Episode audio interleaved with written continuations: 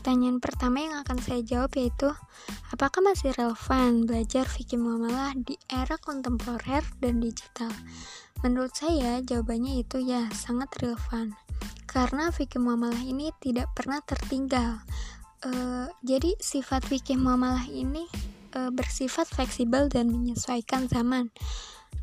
Mengapa seperti itu?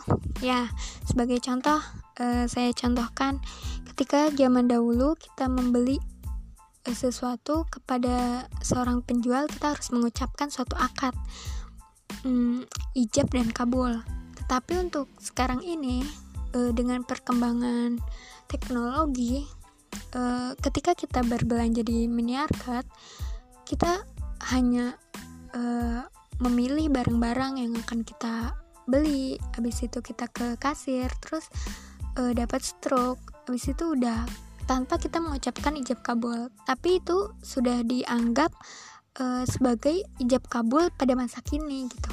Jadi uh, apakah masih relevan? Ya sangat sangat relevan. Karena uh, fikih mamalah ini tuh me mendalami atau mempelajari atau disebut juga ilmu tentang hukum dari suatu aktivitas-aktivitas manusia. Jadi ketika kita e, ingin bermuamalah itu kan harus kita harus mengetahui hukumnya apa dan bagaimana. Nah, fikih muamalah ini membahas tentang hal tersebut. Jadi eh, apa ya?